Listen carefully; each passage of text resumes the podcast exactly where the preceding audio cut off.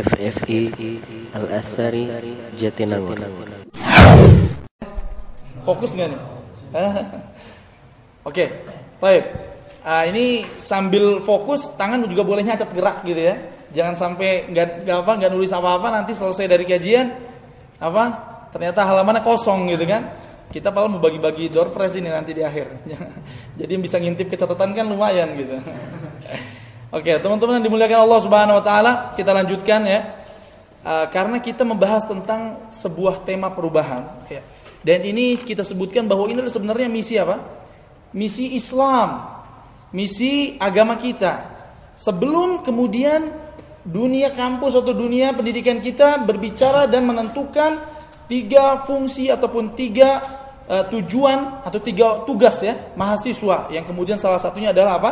Agent of change ini gitu kan. Nah, sebelumnya sudah disebutkan oleh Allah Subhanahu wa taala dan juga oleh Rasulullah SAW dalam dalam apa dalam banyak sekali hadisnya. Di antaranya Rasulullah SAW bersabda, "Khairukum anfa'ukum linnas" atau khairun nas anfa'uhum linnas. Sallallahu alaihi wasallam ya. Rasulullah SAW bersabda, sebaik-baik manusia ya adalah yang paling bermanfaat untuk sesamanya. Kan seperti itu memberikan manfaat kepada orang lain ya tidak pernah terbatas bentuknya. Bentuknya tidak pernah terbatas. Memberi manfaat ilmu memberi manfaat harta memberi manfaat apa? Uh, uh, materi dan juga non non materi ya. Ikhwan akhwat yang dimuliakan Allah segala manfaat yang bisa kita berikan kepada saudara kita maka kepada orang lain maka itu adalah apa? Maka itu adalah ibadah Selama itu adalah manfaat yang tidak bertentangan dengan syariat, sesuai dengan apa apa yang diinginkan oleh Allah Subhanahu wa taala. Oleh karena segala bentuk perubahan dan usaha melakukan perubahan adalah kaitannya sangat kuat dengan apa? Memberi manfaat kepada orang lain kan seperti itu. Buat apa kita berada di tengah-tengah masyarakat kita jika kita tidak bisa memberi manfaat kepada orang lain ya. Salah satu manfaat terbesar adalah kita memberikan atau menularkan kebaikan yang kita miliki kepada orang kepada orang lain, mempengaruhi orang lain supaya menjadi baik. Yang baik semakin baik, yang kurang baik menjadi ba baik. Ya kan seperti itu. Oleh karena ikhwan dan yang dimuliakan Allah sudah banyak sekali anjuran-anjuran dari Rasulullah SAW dan juga dalam ayat-ayat Al-Quran tentang perubahan dan anjuran untuk untuk merubah kondisi masyarakat kita, sosial kita untuk menjadi arah yang lebih baik. Allah Subhanahu wa taala berfirman, "Wa man ahsanu qawlan mimman da'a ila Allah wa 'amila salihan wa qala innani minal muslimin." Kan seperti itu.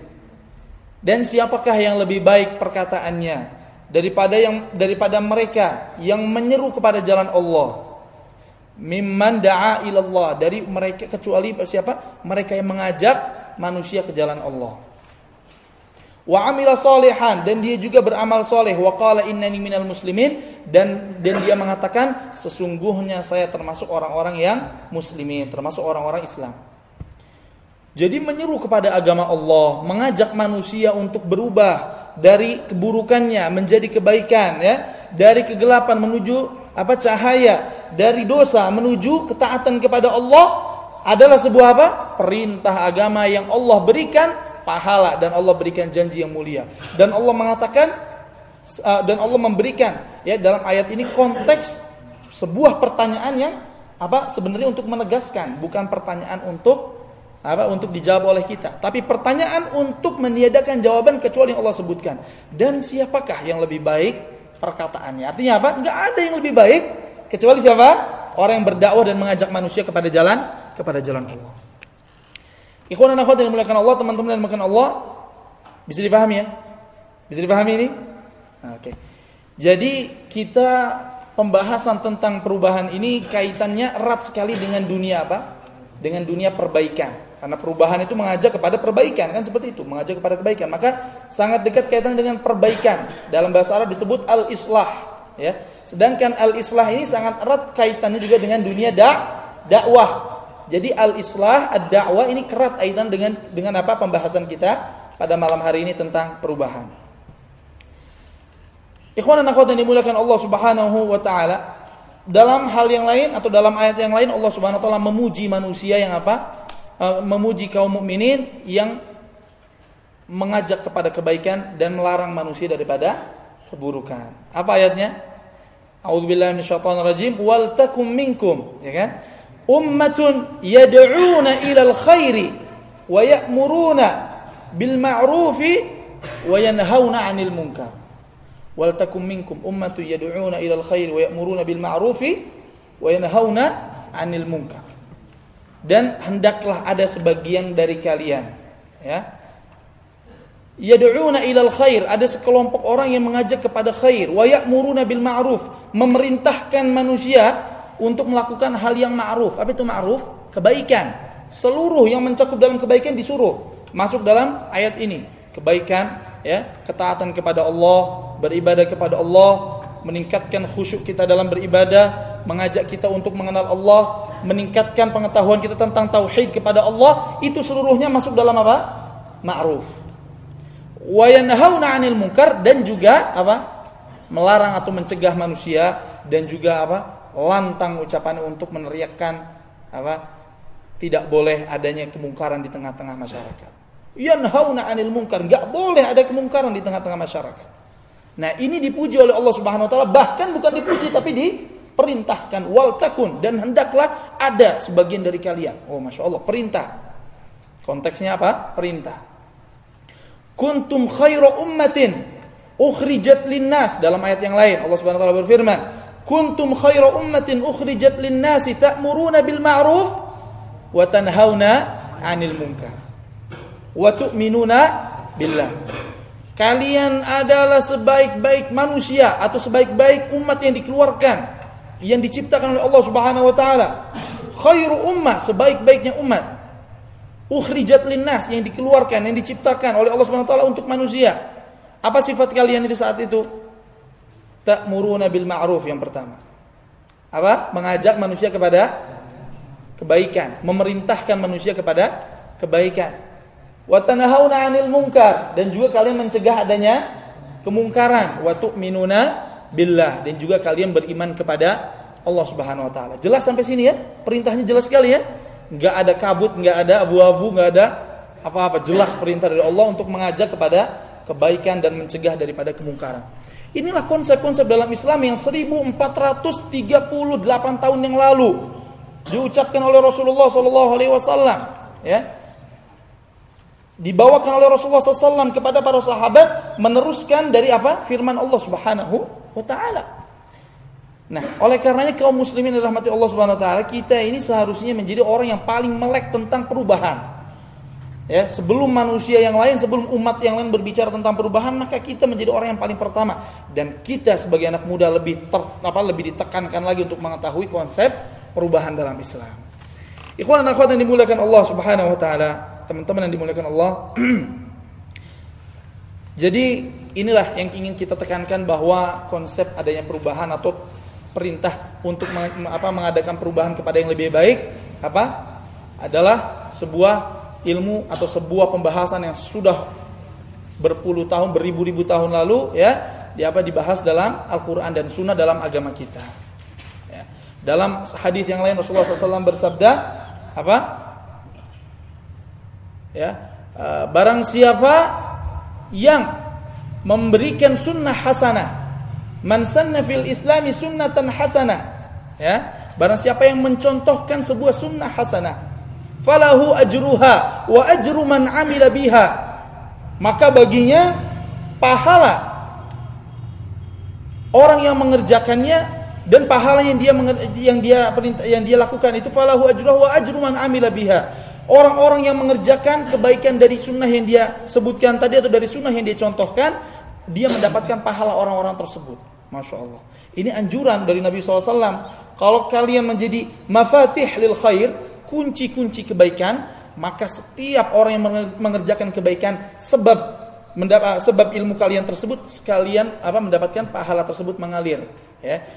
Jadi istilahnya apa? Antum punya rekening ya apa saldonya masuk tanpa antum ketahui. Dan inilah fungsi ataupun dan inilah Eh, kemuliaan yang Allah Subhanahu wa taala berikan kepada mereka yang mengajak kepada kebaikan, Allah berikan pahala orang-orang yang mengerjakannya tanpa mengurangi sedikit pun pahala orang yang melakukan tersebut. Ya, paham ya?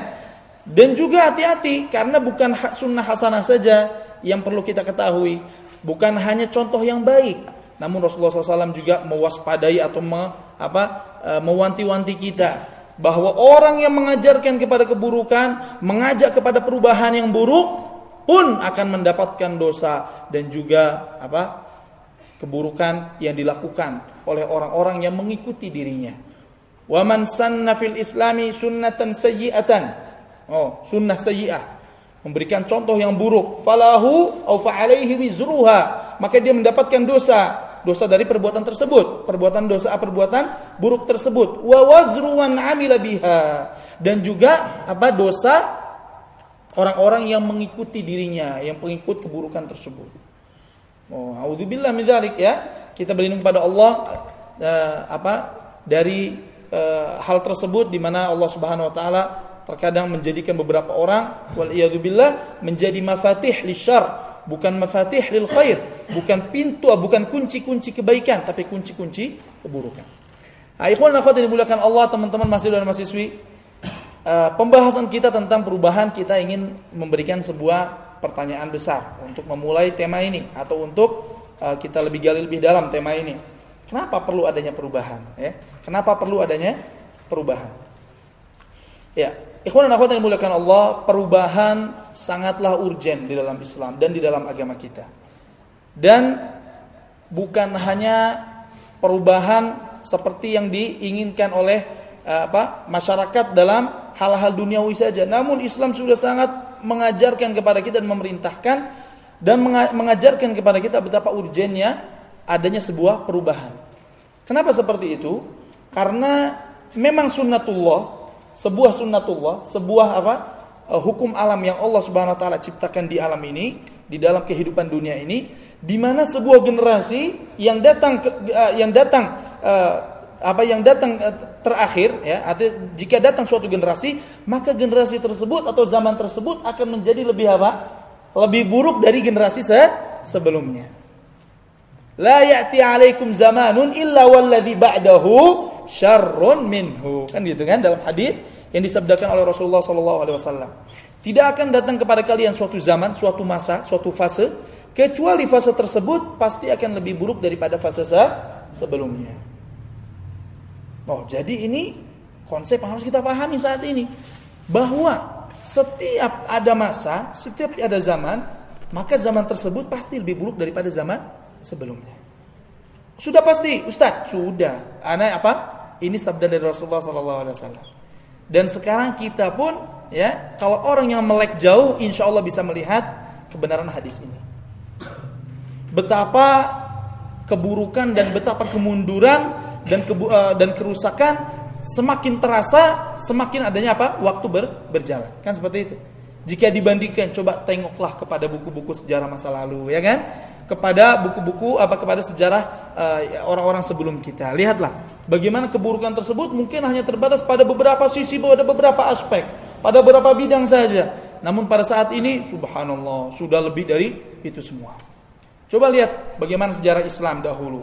Zaman-zaman saat Islam jaya, saat Islam keemasan, saat Islam ditegakkan, saat bendera Islam berkibar, saat Rasulullah SAW memerintah uh, menjadi menjadi pusat atau menjadi pemimpin dari apa? Pemerintahan Islam. Saat Khulafaur Rasyidin yang empat. Abu Bakar, Umar, Uthman dan Ali menjadi pemimpin eh, kaum muslimin. Saat itu lihat generasi kemasan. Saat masih ada sahabat di zaman tersebut. Saat masih ada orang-orang yang mengikuti sahabat para tabi'in. Dan juga saat zaman masih ada para atba'ut tabi'in atau orang-orang yang senantiasa mengikuti para tabi'in ya. Lihat bagaimana zaman-zaman tersebut suatu fase-fase kegemilangan kejayaan di sana Lihat bagaimana buku-buku Islam ditulis, bagaimana Al-Qur'an dituliskan, ya. Bagaimana ilmu-ilmu Islam keluar. Padahal sumbernya satu Al-Qur'an, tapi ada jadi ilmu tafsir, ada jadi ilmu fikih, ada jadi ilmu akidah, ada jadi ilmu hadis, ada jadi ilmu sanad, ada jadi ilmu usul fikih, ada jadi macam-macam.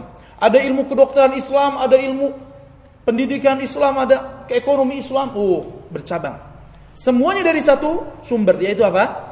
Al-Quran. Lihat masa-masa kegemilangan Islam saat hadis dituliskan oleh Al Imam Bukhari ya dalam kitabnya Sahih Al Bukhari ya Sahihul Bukhari, kitab tersohih atau kitab paling otentik kedua setelah Al-Qur'an di muka bumi adalah Sahih Bukhari. Setelah itu baru apa? Sahih Muslim. Yang kalau ada hadis riwayat Bukhari ataupun riwayat Muslim, maka apa?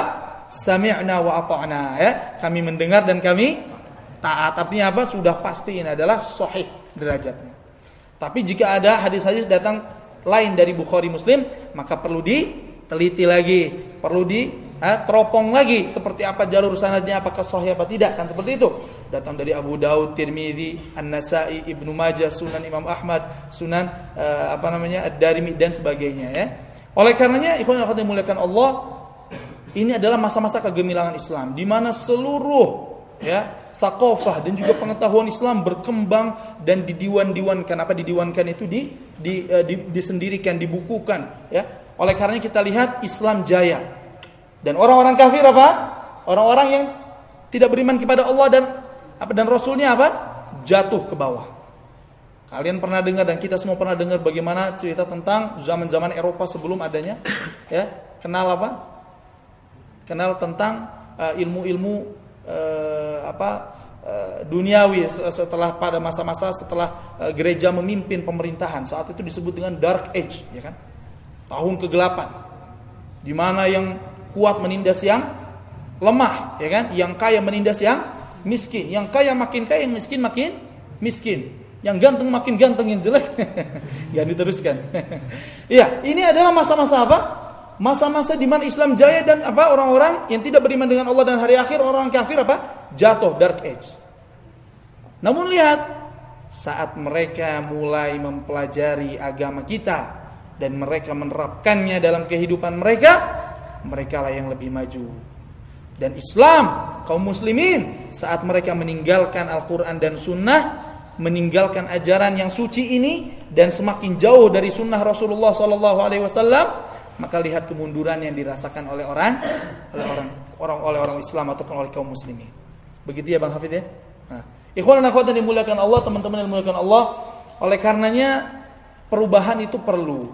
Kenapa? Karena la ya'ti alaikum zamanun illa walladhi ba'dahu syarrun min dalam hadis. Rasulullah SAW menegaskan seperti itu. Sahih hadis.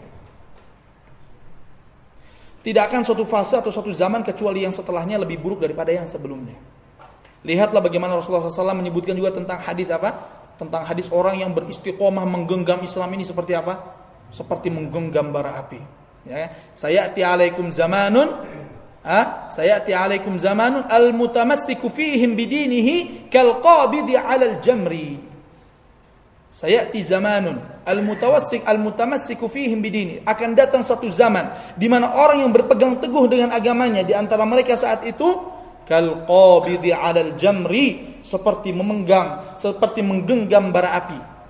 Antum datang ke tukang sate mas minjem bentar. Apanya? Kipasnya? Bukan baraknya. Coba antum pegang tuh bara. Rasanya kayak apa? Oh jangan disentuh. Sudah bisa dijawab malam ini ya kan? Ya panas luar biasa. Bara yang menyala dipegang. Dan itulah fakta dan kondisinya orang-orang yang menggenggam bara api di tengah-tengah kerusakan yang ada di zaman-zaman yang sudah semakin semakin jauh dari uh, ajaran kita dari ajaran Islam. Akan akan akan sangat panas. Dijauhi kawan ya. Kehilangan banyak sekali orang-orang yang dahulu berteman ya. Karena mereka apa? Wah ini sok agamis ini sekarang. Mulai ngadirin kajian di masjid aja teman-temannya itu ya. Panas kita. Dulu teman-teman sering ajak duduk bareng, kongko bareng ya. Kalau weekend itu duduknya di apa di mall atau di gunung sambil gitaran, sambil asik-asikan gitu ya. Nah, kalau sekarang weekendnya masya Allah, bahkan hari Senin ini weekday ini masya Allah uh, hadirnya di masjid, ya ngeluangin waktu mungkin besok ada pelajaran nggak masalah, yang penting apa dapat faedah, insya Allah. Nah ini apa panas itu kenapa menjadi orang yang terasing di tengah-tengah kaum yang sudah semakin rusak. Ya. Bada al-Islamu ghariban dalam hadis yang lain Rasulullah SAW menjelaskan. Bada al-Islamu ghariban. Islam itu dimulai dalam kondisi yang terasing. Wasayaudu ghariban kama bada. Dan akan kembali menjadi terasing seperti dahulu kala saat memulai itu terasing. Jadi apa Islam nanti saat akhir zaman nanti atau saat di akhir-akhir uh, umur Islam ini maka dia akan menjadi terasing seperti dahulu mulai pun ter terasing. Tetapi bagaimana kondisinya? Apakah kita perlu bersedih? Apakah kita perlu menjadi orang-orang yang apa? Minder karena kita menjadi orang yang terasing? Tidak perlu karena Rasulullah SAW memberikan kabar gembira, fatuba lil ghuraba. Maka berbahagialah, bergembiralah, maka apa? Kesuksesanlah, surgalah bagi mereka ya ghuraba yang dirinya terasing di tengah masyarakatnya. Allahu akbar, Allahu akbar, azan berkumandang. Yang lain masih main PS, yang satu berangkat ke masjid, terasing. Ya enggak? Iya, terasing. Allahu akbar, Allahu akbar, azan berkumandang, yang lain masih pada apa? Eh, eh, makan-makan uh, uh, di ini ya, makan-makan di kamar. Apa istilah kita bilang majelis ya, apa? Ya, makan bareng ya, ya masak-masak ya. Ayo sholat sholat. Apain? Ah nanti aja sih masih panjang waktunya. Ya kan? Terasing dia. Ya Allah kok saya jadi orang paling soleh. Padahal ini perintah Allah gitu ya. ya kan? Yang akhwat juga nggak apa yang akhwat juga sama. Ya. Ada baca tentang Eh, tentang apa namanya baca surat An-Nur disuruh untuk berhijab pakai kerudung nah, datang ke kampus cie ya langsung diciein pertama kali ya oh udah soleh, udah makin soleha sekarang ya jadi subhanallah Padahal apa semuanya teman-teman yang muslim dan muslimah gitu. Tapi dibilangnya apa? Sudah makin soleha. Padahal ini bukan sok suci. Wah, makin sok suci aja sekarang makin lebar kerudungnya kan gitu. Ya, padahal bukan soal suci, kita lagi berusaha menerapkan agama dan perintah Allah kan seperti itu. Saya pun masih punya kekurangan. Jadi kalau saya salah bukan Islam yang salah, tapi apa? Personnya atau oknumnya saya yang salah. Islam nggak nggak pernah salah. Nah ini kesalahan. Dia menjadi terasing di tengah teman-teman dan kawan-kawan dan lingkungannya karena memandang bahwa orang yang baik adalah orang yang apa? Yang sok inilah, sok itulah dan sebagainya. Namun jangan bersedih, jangan mundur satu langkah pun sedikit pun karena Allah bersama orang-orang yang ghuraba yang terasing, orang-orang yang memegang Islam walaupun kondisinya sudah apa kesepian dari teman-teman yang apa yang di sekitarnya. Ikhwan dan akhwat dimuliakan Allah. Kalau begitu, bagaimana kita sekarang merangkul mereka, merangkul teman-teman kita, merangkul masyarakat kita, keluarga kita kepada perubahan tersebut. Nah, di sinilah kita akan kemudian uh, masuk kepada apa? metode ataupun hal-hal apa yang perlu kita perhatikan dalam melakukan perubahan. Ikhwan dan akhwat yang dimuliakan Allah Subhanahu wa taala. ya, di dalam uh, tema kita, kita ini menjadi seorang agent ya yang memiliki misi merubah. Dan perubahan yang kita sebutkan kenapa kita tadi eh, kita, sudah jelaskan kenapa perubahan itu perlu ya karena selalu apa setiap zaman selalu ada perubahan yang lebih buruk. Itu fitrahnya, itu sunnatullahnya. Akan menjadi kondisinya semakin semakin buruk ya. Kalau kita mau sebut, sebutin faktanya, oh banyak sekali fakta yang kita bisa sebutin, nggak cukup ya waktu kita untuk sebutin. Dalam ekonomi, oh lihat bagaimana koruptor di sana sini ya, aset negara yang begitu besar, kekayaan alam yang begitu mahal, ternyata dimiliki oleh satu dua orang saja, ya kan seperti itu, ya? Banyak sekali. Waliyadzubillah ini orang dari kecil dididik sampai jadi perguruan tinggi sampai jadi pejabat ternyata subhanallah apa? Ngibulin manusia ya? Nutup-nutupin eh, apa istilahnya eh, dirinya ternyata di belakang jadi orang ya paling rakus sama harta itu. Nah, waliyadzubillah.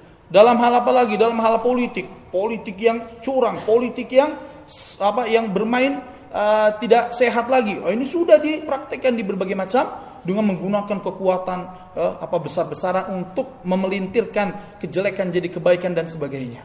Ya, ikhwan dan akhwat dimuliakan Allah, penurunan dalam masalah akhlak dan pendidikan terasa di sana sini. Orang-orang eh, yang berpendidikan semakin buruk. Betapa banyak sekarang keburukan justru datang dari siswa. Kan seperti itu. Lihat video-video yang tersebar, ada yang ada yang main-mainin sholat ya. Sering ini berkali-kali ya. Hafid. Oh. Ada yang apa istilahnya uh, ngebully sampai apa lagi rame bullying ini kemarin-kemarin ini. Ada yang ngebully teman-temannya sampai apa apa celaka fisik dan sebagainya ya Allah. Ini apa gitu ya? Pendidikan macam apa seperti ini? Kalau dalam instansi pendidikan saja sudah terjadi se seperti ini. Kemarin belum lama saya baca, anak baca subhanallah ada siswi-siswi yang nggak sholat di lingkungan sekolah ditegur oleh gurunya yang memang bertugas untuk mengingatkan siswi-siswinya untuk sholat jam sholat namun nggak mau. Subhanallah yang disengketakan dan diper, dipidanakan adalah siapanya? Gurunya. Ya Allah. Oh, orang mengajak kepada kebaikan malah dipidanakan karena apa? Orang tuanya siswa nggak terima, anaknya dimarahin dan katanya dipukul sedikit, dipukul sedikit, subhanallah. Jadi dipidanakan gara-gara mengajak kepada kepada kebaikan. Ini adalah degradasi, penurunan, peru, apa kerusakan yang terjadi dalam moral, budaya, sosial, pendidikan, ekonomi, politik, apalagi Hah? semuanya dalam berbagai macam aspek dalam kehidupan kita. Oleh karenanya kita tidak boleh tidak bisa bohong, tidak bisa memungkiri, membagus-baguskan yang rusak, menutup-nutupi mata dari hal-hal tersebut. Nah, namun kita menjadi orang yang selalu optimis. Selama ada semangat dalam diri kita untuk perubahan, selama ada keinginan dalam diri kita untuk mengajak manusia kepada perubahan dan selama ada orang-orang tersebut insya Allah agama ini pasti akan selalu akan ada dan insya Allah Allah Subhanahu Wa Taala akan selalu menolong kita intan surullaha yang surkum jika kalian menolong agama Allah maka Allah akan menolong menolong kalian nah ikhwan dan akhwat yang dimuliakan Allah aspek-aspek yang perlu dirubah dalam pembahasan kita tema kali ini mencakup berbagai macam aspek ya, tidak terbatas, uh, tidak apa tidak bisa di, dihitung ya. Artinya banyak sekali aspek tersebut. Yang paling utama dan yang paling pertama adalah aspek agama. Ya, aspek agama atau uh, apa? Poin agama adalah poin pertama yang perlu diadakan perubahan. Diadakan pembenahan, perbaikan, dakwah. Ini paling utama. Sisi yang lain, sisi ekonomi, ya, sisi ekonomi masyarakat Ekonomi yang sesuai dengan tuntunan syariat dan sesuai dengan ajaran Islam. Ekonomi yang tidak menabrak apa? hukum-hukum Islam. Ekonomi yang berjalan di atas keberkahan, bukan ekonomi apa? Yang menghancurkan sistem orang yang miskin semakin miskin, yang semakin yang miskin dikibuli, mau berangkat umroh nggak jadi-jadi sampai setahun dua tahun nunggu, ya paspornya ribuan, berkumpul nggak bisa dicari. Ya Allah, ini apa gitu ya? Ini bukan ekonomi yang berkah. Gitu ya. Ikhwan dan akhwat yang dimuliakan Allah Subhanahu Wa Taala. Aspek lain politik, bagaimana politik Islam ini apa negara ini menjadi eh, apa politiknya sesuai dengan apa yang Allah Subhanahu Wa Taala dan Rasulullah sudah gariskan dan terapkan dalam apa uh, yang sudah diajarkan dalam Al-Quran dan Sunnah. Harus diterapkan. Politiknya harus politik yang mengajak kepada pembinaan masyarakat yang perubahan masyarakat yang apa? Yang semakin Eh, semakin baik. Politik yang memang diinginkan untuk apa? Untuk memiliki kekuatan kaum muslimin, bukan yang memiliki kekuatan diri sendiri. Untuk mengumpulkan dan merangkul kekuatan kaum muslimin dan memberdayakan manusianya, bukan untuk membodoh-bodohi sebagian manusia dan menjadikan sebagian manusia pin pintar kan gitu. Kalau ngomong soal pintar ini Indonesia luar biasa pintar dari dulu. Malaysia belajar dari Indonesia ya. Dulu ngirim siswanya ke Indonesia untuk belajar. Tapi sekarang, masya Allah, Malaysia sudah ini ini ini Indonesia lagi belajar menuju sana ya. Artinya apa? Kadang ketertinggalan dalam hal ini ada. Kenapa? Karena terkadang apa? Inilah aspek soal seperti ini harus dipegang oleh orang-orang berpolitik yang apa? Yang memang mengerti tentang Islam dan menerapkan Islam dalam kehidupannya kemudian dalam hal lain dalam sosial budaya ya sekarang subhanallah uh, dalam budaya ataupun pariwisata kita Indonesia ini tidak kurang ya Indonesia ini tempat surga yang hilang kata orang itu. Surga yang baru ditemukan. Apa gitu? Hidden paradise. Ah, masya Allah. Uh, kalau disebutkan lancar, saya nggak bisa ngulangin. ya, sebuah paradise ya, sebuah apa? Uh, sebuah surga yang baru saja ditemukan. Ya, ditemukan oleh siapa? Oleh mereka yang di luar sana. Oh, Indonesia dari ujung Sabang sampai Merauke surga semua. Namun sayang ya akhi, sayang sekali ikhwan dan akhwat yang dimuliakan Allah. Pariwisata kita, sosial budaya kita rusak karena pariwisata yang sudah dimasukin oleh orang-orang yang nggak mengenal budaya timur dan mengenal budaya Islam. Seminggu yang lalu, Ana baru datang dari Lombok. Oh, Ana habis pergi dari Lombok sana. Surga, ya. Karimun Jawa, Pulau Seribu masih kalah sama Lombok. Lombok kota atau pulau yang dikenal dengan seribu masjid. Ya, kenal dengan apa? Pulau. Ada yang dari Lombok di sini? Ada? Masya Allah. Dari mana? Ada di Lombok? Oh, enggak ada ya, sudah. Tadi udah hampir mengaju ya, dari Lombok setengah gitu dia. Oke, dari Lombok subhanallah. Surga dari ujungnya sampai ujung timur Lomboknya. Tapi masya Allah, masyarakat Islam yang kental dengan seribu masjid tadi mulai terkikis agama, mulai terkikis budaya, mulai terkikis sosialnya, mulai terkikis apa moralnya. Karena apa kedatangan makhluk-makhluk yang seolah manusia padahal mirip manusia bukan manusia itu. Ya. Datang seperti ikan teri dijemur, ya kan? Ya. Nauzubillah min gitu, menampakkan hal yang tidak boleh ditampakkan. Ya dilihat oleh orang-orang yang tidak boleh sepatutnya melihat. Kan seperti itu. Nah, ini adalah hal-hal yang apa? Yang subhanallah. Perlu diadakan perubahan. Perlu nggak? Perlu diadakan perubahan. Harus ada wisata yang islami. Harus ada wisata yang syariah. Ya nggak? Karena orang Islam di Indonesia lebih berhak daripada mereka untuk mengadakan wisata kita sekeluarga punya anak, punya istri, mengajak wisata sampai di pinggir pantai ngeliat seperti itu. Apa rela anak kita mandangin hal yang seperti itu habis kita didik lama-lama di rumah? Ya enggak? Kan malu nih Bapak. Ya, oleh karena perlu adanya perubahan, perlu adanya pemimpin yang benar, perlu adanya pemerintahan yang menerapkan hukum Islam dan meng, apa? Eh, menerapkannya dalam apa? Dalam eh, apa? Dalam pemerintahannya sehingga pariwisata, budaya sosial pun tidak bertentangan dengan apa? Dengan syariat Allah, dengan Islam. Sehingga yang ada adalah apa? Masyarakat yang baldatun thayyibatun wa rabbun ghafur, ya kan? Sebuah negara yang apa? thayyibah yang baik dan juga rabbun ghafur dan Rabb yang mengampuni mereka seluruhnya. Ikhwan dan akhwat yang dimuliakan Allah Subhanahu wa taala. Konsep yang perlu diingat dalam Islam perubahan. Nah, ini pertama, perlu diingat.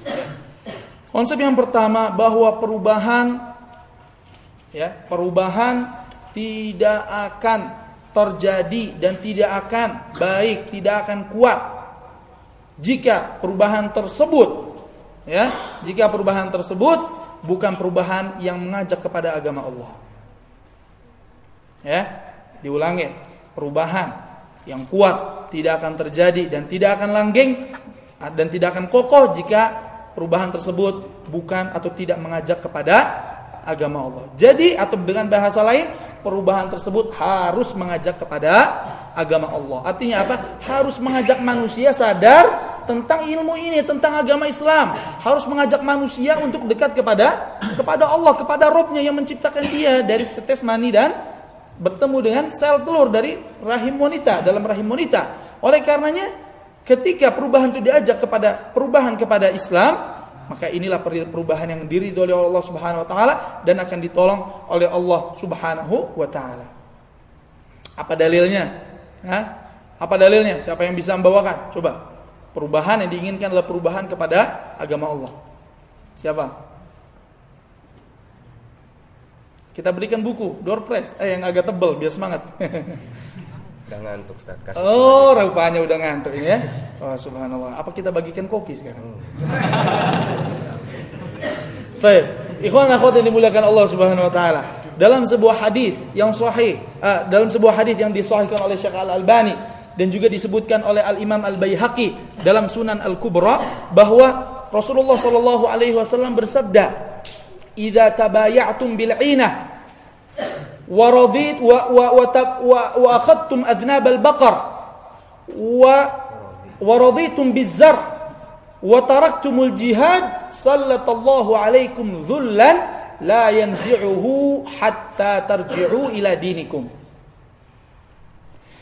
jika kalian sudah melakukan perdagangan dengan cara inah, al-inah. Ini adalah salah satu perdagangan yang diharamkan dalam Islam. Nanti metodenya seperti apa bisa dibahas tempat lain. Jika kalian melakukan perdagangan dengan bentuk al-ina, idza tabayatum bil ina, wa akhadtum adnabal baqar dan kalian apa?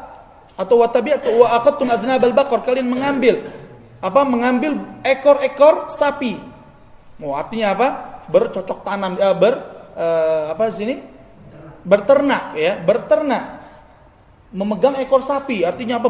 Bersibuk berternak. Wa apa? Uh, wa tabayatum wa akhadtum wa raditum bizar dan kalian ridho dengan adanya apa?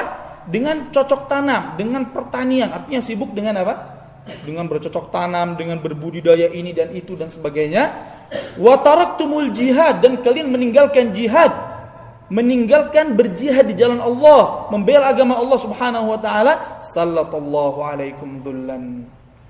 Maka Allah Subhanahu wa taala yang akan menimpakan kepada kalian zullan sebuah kehinaan sebuah apa? kerendahan, kehinaan, kerendahan. La yanzi'uhu hatta tarji'u ila dinikum.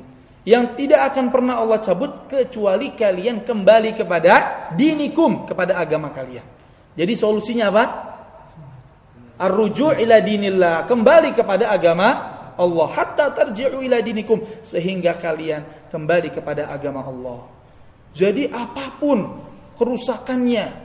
Oh, tadi kerusakan disebutkan apa? Tanda-tandanya itu orang-orang sudah sibuk dengan cocok tanam ya.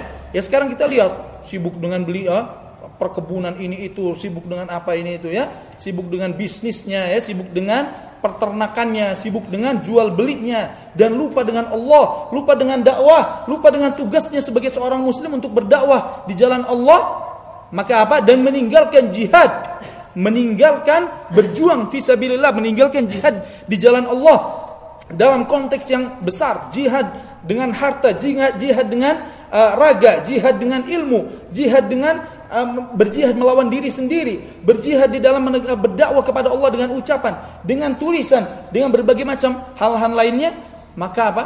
Allah akan menimpakan kepada kita sebuah kehinaan yang tidak akan pernah dicabut kecuali kita kembali kepada kepada agama Allah.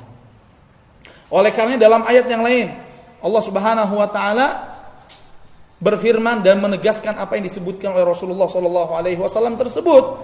Ya, sebuah metode atau konsep jika kita ingin menjadi ke arah yang lebih baik lagi, ingin diberikan oleh Allah kemudahan untuk melakukan perubahan dalam masyarakat ke arah yang lebih baik. Ada syaratnya satu. Kita bacakan ayatnya. A'udzubillahi minasyaitonirrajim.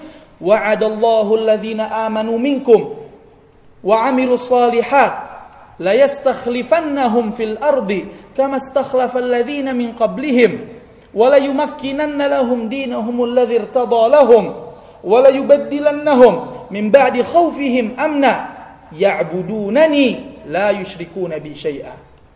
Allah berjanji atau Allah memberikan janji kepada orang-orang yang beriman di antara kalian dan beramal soleh. La yastakhlifannahum fil ard. Allah akan menjadikan mereka memimpin dunia ini, menjadi pemimpin di dunia ini, menjadi khalifah di dunia ini. Artinya apa? Maju, jaya, sukses Islam ini. Apa? Menjadi sukses. Ya, la yastakhlifannahum fil ardi kama istakhlafa alladziina min qablihim. Sebagaimana Allah juga menjadikan orang-orang sebelum mereka itu memimpin dunia. Zaman Khulafaur Rasyidin, zaman Rasulullah sallallahu alaihi wasallam, bagaimana Islam memimpin dunia, mengalahkan dua negara adidaya, Romawi dan Persia yang sudah lebih memiliki apa? kebudayaan dan memiliki uh, uh, apa? Kehidupan sebelum Arab, sebelum adanya Islam ini datang. Namun dengan adanya Islam, Romawi dan Persia tunduk di bawah pemerintahan Islam. Ya, semua itu apa? Semua itu syaratnya nanti di bawah ini Allah Subhanahu wa taala sebutkan. Yumakkinanna lahum dinahum alladzi dan Allah juga akan apa? Akan meneguhkan agama mereka. Yubaddilannahum min ba'di amna. Diangkat, dirubah dari rasa takut diangkat menjadi rasa diberikan rasa aman sentosa orang, orang muslim dibikin rasa aman, sentosa. Syaratnya apa? Ya'budunani la yusyrikuna bi syai'a. Syaratnya satu, tauhid kepada Allah. Ya'budunani, mereka semua menyembah Allah Subhanahu wa taala, beragama Islam, la yusyrikuna bi syai'a, tidak sedikit pun menyekutukan Allah. Jadi virus paling bahaya adalah jika seseorang tidak beriman kepada Allah dan tidak memeluk agama is Islam. Harus beragama Islam. Sudah Islam pun harus mengerti apa hak Allah atas saya dan apa kewajiban Allah, eh, kewajiban saya kepada Allah. Kewajiban manusia adalah apa? Wa ma khalaqtul jinna wal insa illa liya'budun. Menyembah Allah diciptakan, ha? kita ini diciptakan untuk menyembah Allah Subhanahu wa taala. Ya, jadi apa konsep yang perlu kita ketahui bahwa perubahan harus diajak dan harus uh, apa uh, suaranya ini harus diangkat dan diarahkan menuju apa? Menuju agama Allah. Perubahan menuju is Islam. Dalam hal apa ya Ustaz perlu diajak kepada Islam ini? Dalam segala. Dalam segala dalam segala hal. Ekonomi harus ekonomi Islam. nggak boleh ada riba lagi. Kalau orang sudah riba, Bukan sakit di akhirat saja, sakit di dunia. Ditagi-tagi, dikejar-kejar sama bank, rumah disita, mobil disita, ya kan?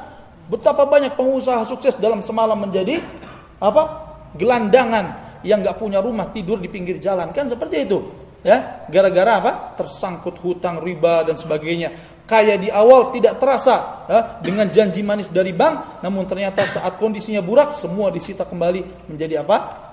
Gagal, jatuh seperti jatuh dari atas gunung ya, sakit sekali. Nah, oleh karenanya harus diarahkan berbisnis itu harus syariah, harus sesuai dengan ajaran Allah, tidak boleh ada penipuan, tidak boleh ada korupsi, tidak boleh harus amanah, harus jujur. Semuanya diajak kepada is Islam. Dalam bidang pendidikan, pendidikan harus Islam. Bagaimana mau baik? Kalau pelajaran agama hanya satu dalam seminggu. Dan itu pun ya. Dan itu pun apa? Berapa menit saja gitu kan? Campurlah di situ antara sejarah kebudayaan, antara fikih, antara akidah, antara apa ya. Bagaimana masyarakat dan anak didik akan semakin mengerti tentang kebaikan jika mereka hanya belajar agama sekali dalam seminggu. Udah itu pun TPA-nya nggak masuk sore. Wah. Muskilah ini. Sore malah apa? Sore malah diajak jalan-jalan ya. Ahad pagi ke Unpad. bukan Unpad apa ke atas itu ya ada pasar pagi. Waduh. Ya, jadi apa? Harus ada harus ada kegiatan yang banyak tentang pembelajaran Islam. Oke. Okay. Ikhwan akhwat yang dimuliakan Allah Subhanahu wa taala, semua aspek pun kiaskan seperti itu. Harus diajak kepada apa? Kepada Islam. Tanamkan masyarakat untuk apa? untuk jujur, untuk memiliki amanah, untuk memiliki kepedulian, untuk memiliki rasa takut kepada Allah bukan kepada manusia. Orang yang menerapkan rasa takut kepada Allah tidak butuh ada manusia di sampingnya, tidak butuh ada CCTV di kanan kirinya. Ya, pabrik-pabrik cukup dengan adanya apa? Dengan adanya perintah saja tidak perlu banyak CCTV. Karena jika semua pegawainya menerapkan Islam, takut kepada Allah, ittaqillaha haitsu kunta, semua barang perusahaan aman. Semua pekerjaan dilakukan dengan amanah dan teliti, kan seperti itu. Tapi coba sekarang manusia lebih takut kepada CCTV daripada kepada Allah Subhanahu wa taala. Ya, semakin besar CCTV-nya makin takut. Gambarnya makin jelas gitu kan. Kalau CCTV jelek, masihlah mukanya nggak kelihatan gitu kan. ya, ikhwan akhwat yang dimulakan Allah Subhanahu wa taala, oleh karenanya ini apa? Perlu dipahami bersama ya perlu dipahami bersama bahwa semua aspek perubahan tersebut harus mengajak kepada kepada Islam. Nah, oleh karena waktu yang singkat ini udah sangat singkat ini Ustaz Bang Hafid ya. Kita uh, perlu singkat lagi materi kita. Ya, kemudian apa saja yang perlu kita ketahui juga tentang konsep perubahan. Yang kedua, perlu diketahui bahwa Allah Subhanahu wa taala tidak akan merubah kondisi suatu bangsa, suatu umat, suatu generasi atau suatu masyarakat jika mereka tidak memulai dengan dirinya sendiri. Dalilnya apa? Allah Subhanahu wa taala berfirman dalam surat Ar-Ra'd ayat 11. Perlu disebutkan nggak posisi di tengah di atas? Nggak perlu insyaallah ya. Ya, dalam surat surat Ar-Ra'd ayat 11. Bang Hafid bisa bacakan nggak? Ini ada mushaf nih. Ya. Ya, nih bacakan Ustaz Bang Hafid. Nih nih. Ya, yang di blood gitu ya. Coba. Lahu mu'aqibatu min bayni yadayhi wa min khalfihi yahfadunahu min amrillah. Inna Allah la yughayyiru ma biqaumin hatta yughayyiru ma bi anfusihim. Wa idza arada Allah biqaumin su'an fala maradda wa ma lahum min dunihi min wal. Jazakallah khairan. Makasih banyak Bang Hafid. Ya, sudah dibacakan barusan ya. Allah Subhanahu wa taala berfirman dalam surat Ar-Ra'd ayat 11. Kita langsung ambil ke titik atau apa bagian yang sangat menyinggung tema kita. Allah Subhanahu wa taala berfirman, "Innallaha la yughayyiru ma biqaumin hatta yughayyiru ma bi anfusihim." Sesungguhnya Allah Subhanahu wa taala tidak akan merubah kondisi suatu kaum, suatu masyarakat, suatu bangsa, suatu umat kecuali apa? Hatta yughayyiru ma bi anfusihim sehingga mereka merubah diri mereka sendiri dahulu. Wah, di sini ketahuan konsepnya jadi apa? Harus memulai dari diri sendiri. Mulailah dari diri sendiri baru memulai kepada yang yang lain. Bagaimana akan merubah orang lain? Ya, kalau diri sendiri belum belum berubah ke arah yang baik, gitu ya. Oh, kalau begitu saya nggak bakal merubah karena saya belum pernah berubah jadi baik, Ustaz. Ya, nggak bukan begitu maksudnya. Maksudnya adalah kita selalu membenahi diri kita dan selama proses tersebut kita juga dianjurkan untuk uh, merubah dan apa melebarkan sayap perubahan kita kepada masyarakat. Karena manusia nggak bakal sempurna dan manusia nggak bakal pernah ada bentuk idealnya 100% tidak pernah salah nggak mungkin. Kalau tidak merubah suatu uh, suatu kaum kecuali orang-orang yang sudah sempurna saja, maka tidak akan pernah ada orang satupun sejak zaman dahulu sampai sekarang yang yang berdakwah kepada Allah Subhanahu wa taala. Karena sejatinya setiap manusia memiliki ke kekurangan. Selama proses tersebut masih kita jalankan, selama kita masih mau membenahi diri sendiri, maka benahilah juga orang-orang yang di sekitar sekitar kita. Innallaha la yughayyiru ma biqaumin. Allah katakan sesungguhnya inna penekanan takkid dalam bahasa Arab ini. Ya, inna sesungguhnya oh La innallaha la yughayyir ma biqaumin. Allah nggak bakal ngerubah ngerubah suatu kondisi suatu kaum ya sehingga mereka merubah apa? diri mereka sendiri. Mau kondisinya tentram, aman sentosa, mau kondisinya berkah bisnisnya, mau kondisi pendidikannya baik, mau kondisi dirinya uh, apa kondisi masyarakatnya semakin uh, apa semakin uh, agamis dan semakin religius ya. Ini semua harus dimulai dengan dengan diri sendiri ingin masyarakatnya lebih baik dimulai dari diri sendiri. Terapkanlah seluruh Islam dalam diri kita, maka setelah itu masyarakat akan apa? Menjadikan kita sebagai contoh dan keteladanan. Di antara keteladanan yang paling eh di antara metode dakwah yang paling baik adalah dakwah dengan ke keteladanan. Mulailah dari diri sendiri maka masyarakat akan menjadikan kita sebagai per percontohan. Bagaimana kita akan apa akan merubah jika kita sendiri masih terlihat buruk di mata masyarakat? di mata masyarakat. Oleh karenanya mulailah dalam diri diri sendiri. Tanamkan kejujuran dari sekarang ya. Besok misalnya ada ujian, walaupun teman yang pintar di sebelah kanan dan begitu besar jawabannya, nah, ya yang ranking satu di kelas ini yang IPK-nya paling besar ini di samping kita dan jawabannya gede ya dan dia nengok-nengok nggak lihat kertasnya apa mengarah ke kita gitu kan Nah, maka terapkanlah amanah dan kejujuran meski begitu. Ya, meski begitu kita terapkan kejujuran. Mata ini gatal pengen nengok ya. Nah, maka diarahkan apa? Ke ke kertas kita yang di depan ya. Kemudian terapkan segala-gala. Dimulai dari yang paling penting adalah kita tauhid kita kepada Allah ya, bagaimana ibadah kita, hubungan kita hablun minallah, hubungan kita dengan Allah Subhanahu wa taala seperti apa? Kan itu ya. Bagaimana ibadah kita selama ini kepada Allah, salat kita, kewajiban-kewajiban kita yang diperintahkan oleh Allah Subhanahu wa taala seperti apa. Setelah itu nanti kita akan apa? dilihat oleh masyarakat dan kita pun akan menjadikan percontohan. Bahkan sebelum lisan ini mengatakan, sebelum mengajar mengajarkan kepada kebaikan, mereka sudah apa? belajar kebaikan dalam sikap kita dan perubahan kita. Jam 12 duhur, orang-orang lagi ngantuk-ngantuknya, Masya Allah, Akdika jalan depan komplek menuju masjid. Wah, orang masyarakat kan ngelihat, oh malu rasanya. Saya muslim kok lebih kuat apa lebih masih sehat, masih muda kok nggak bisa seperti dia jalan ke masjid salat berjamaah. Ya, jadi sikap ini adalah sebuah metode dakwah, berdakwah dengan keteladanan. Taib, ini sudah ada surat surat cinta ini dari moderator. Waktu habis, masya Allah. Rupanya waktu tidak mengizinkan dan pembahasan semakin panas ya tidak akan memperjelas suatu pembahasan kecuali pertanyaan. Jadi kita buka kesempatan bertanya supaya semakin ya, supaya semakin panas pembahasan kita. Ikhwan dan akhwat yang dimuliakan Allah Subhanahu wa taala, uh, mungkin ini pembahasan kita ya materi kita uh, dilanjutkan selain dengan sesi tanya jawab insyaallah. Hadza wa sallallahu wasallam ala nabiyyina Muhammad wa ala alihi wa sahbihi wasallam.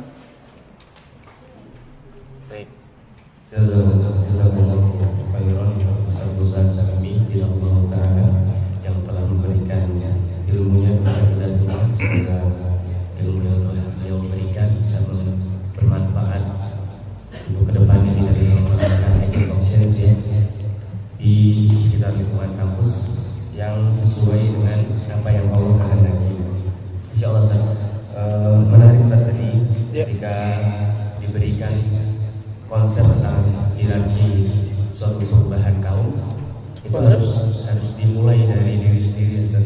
benar sekali. Namun kita nggak bisa memungkiri banyak di antara teman-teman pemuda itu yang semangatnya luar biasa. Iya.